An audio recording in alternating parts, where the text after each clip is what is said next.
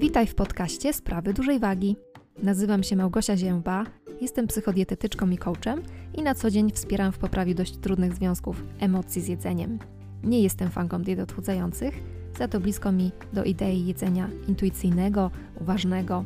Tutaj chcę dzielić się swoją wiedzą, doświadczeniem psychodietetycznym, ale też przemyśleniami, oczywiście w zakresie psychologii odżywiania i psychodietetyki. Znajdziesz mnie na www.małgorzataziemba.com a na Facebooku czy Instagramie pod hasłem Sprawy Dużej Wagi. A teraz zapraszam. W dzisiejszym odcinku postanowiłam opowiedzieć Ci o takim podstawowym według mnie elemencie pozwalającym utrzymać zadowalającą sylwetkę i generalnie pozwalającym mieć taki spokój w obszarze odżywiania. Jak myślisz, co by było właśnie takim elementem? Według mnie podstawowym narzędziem pozwalającym właśnie utrzymać sylwetkę jest nasz głód.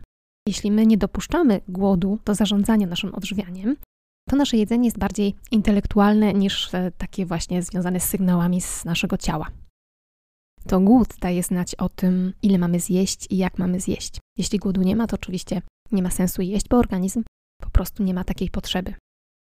Zanim przejdę do omówienia właśnie tego tematu, chcę Ci zadać pytanie: jak Ty odczuwasz fizyczny głód? Jeśli jest Ci trudno odpowiedzieć na to pytanie, być może powinnam Cię zapytać, czy w ogóle odczuwasz głód.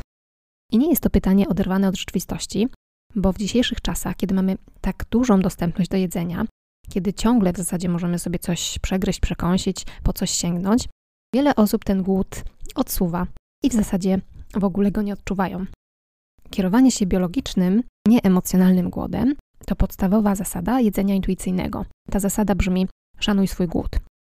Jeśli chodzi o fizyczne objawy głodu, no to takim najpopularniejszym objawem jest ssanie w brzuchu albo burczenie w brzuchu. Niektórzy bardziej czują taką pustkę w żołądku, czasem pojawiają się lekkie mdłości, osłabienie, generalnie jest słaby poziom energii.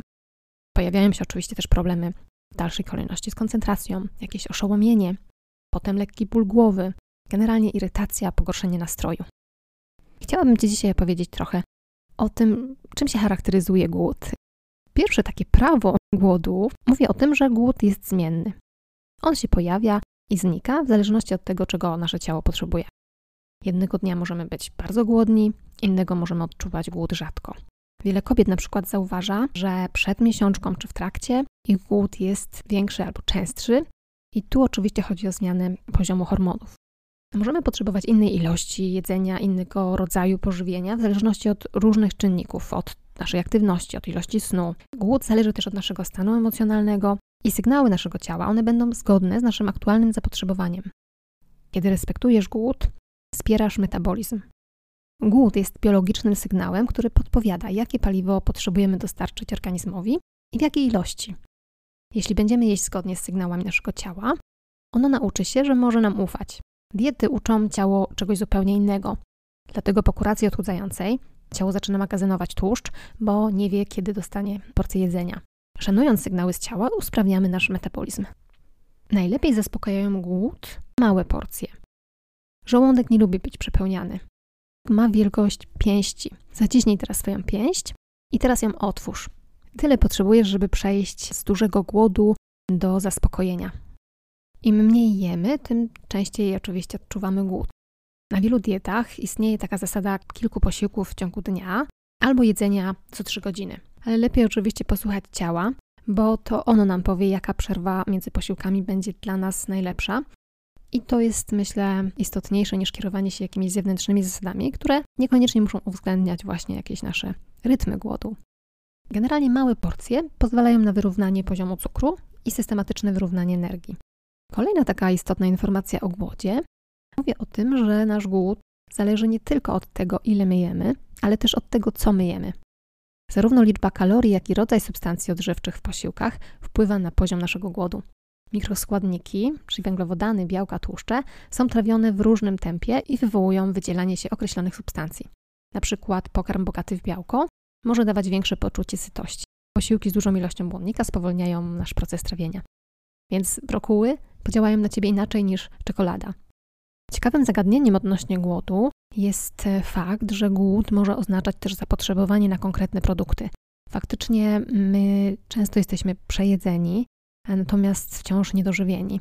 Nasze odżywianie nie jest bogate w wartościowe składniki odżywcze, stąd cały czas chcemy jeść. W taki sposób organizm może właśnie chcieć się odżywić, ale jeśli wciąż dostarczamy mu słabej jakości pokarmu, to nasza waga będzie wzrastać, a nasze zdrowie będzie podupadać.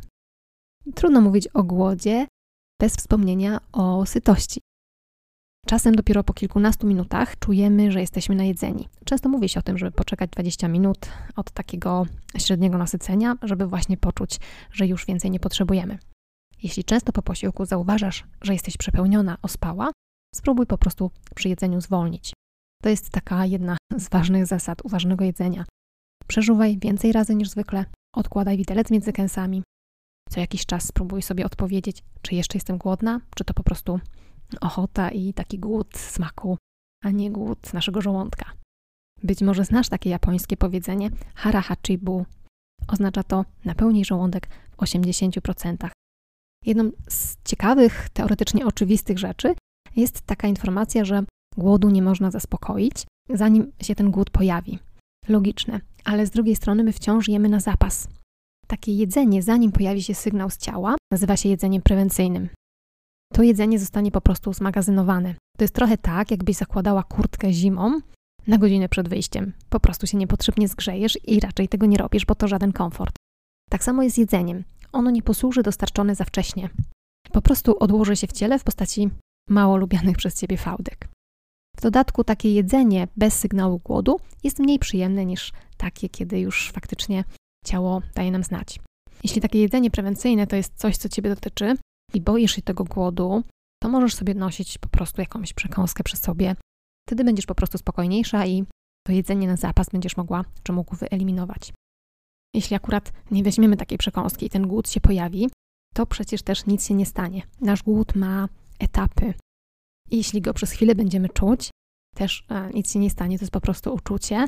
Lekki głód wcale nie jest bardzo nieprzyjemny i też nie musimy się go bać.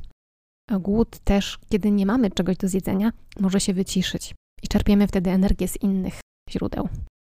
Myślę, że mniej powinniśmy się bać lekkiego uczucia głodu niż ciągłego przejedzenia.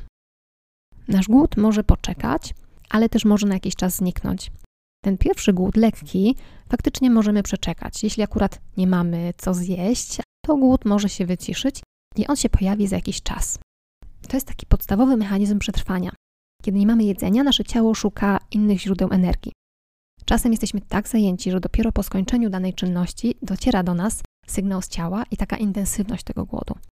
Jeśli z tego mechanizmu przetrwania korzystasz zbyt często i ignorujesz głód, na przykład w pracy praktycznie nic nie jesz, tylko pijesz kawę, wodę, herbatę albo palisz papierosa, efekt cię nie zadowoli, bo twoje ciało zwolni po to, żeby zaoszczędzić energię, a dodatkowo ten głód się dopomni wieczorem i wtedy rzeczywiście może ci się przytrafiać obiadanie się.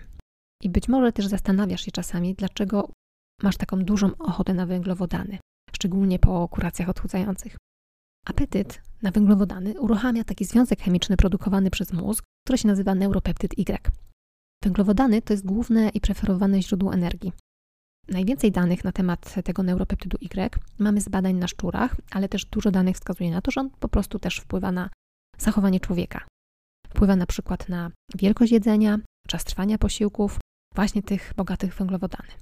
I pozbawianie się jedzenia, czy też niedojadanie, co jest standardem na takich dietach restrykcyjnych, uruchamia produkcję właśnie tego neuropeptydu Y. I to oznacza, że będziemy chcieli więcej bogatego węglowodany jedzenia. I cóż, silna wola nie wygra z biologią. Zazwyczaj nie wygra. W trakcie i po dietach w zasadzie ten nasz neuropeptyd Y krzyczy jeść, jeść, jeść. Im bardziej ignorujemy nasz fizjologiczny głód, tym silniejsze staje się nasze łaknienie na węglowodany. I mam nadzieję, że po tym podcaście, za każdym razem, kiedy poczujesz fizjologiczny głód, potraktujesz to jako taką okazję do nauczenia się czegoś o głodzie, o sygnałach. Oczywiście głód fizjologiczny można czasem pomylić z głodem emocjonalnym. O głodzie emocjonalnym dowiesz się więcej z pierwszego odcinka.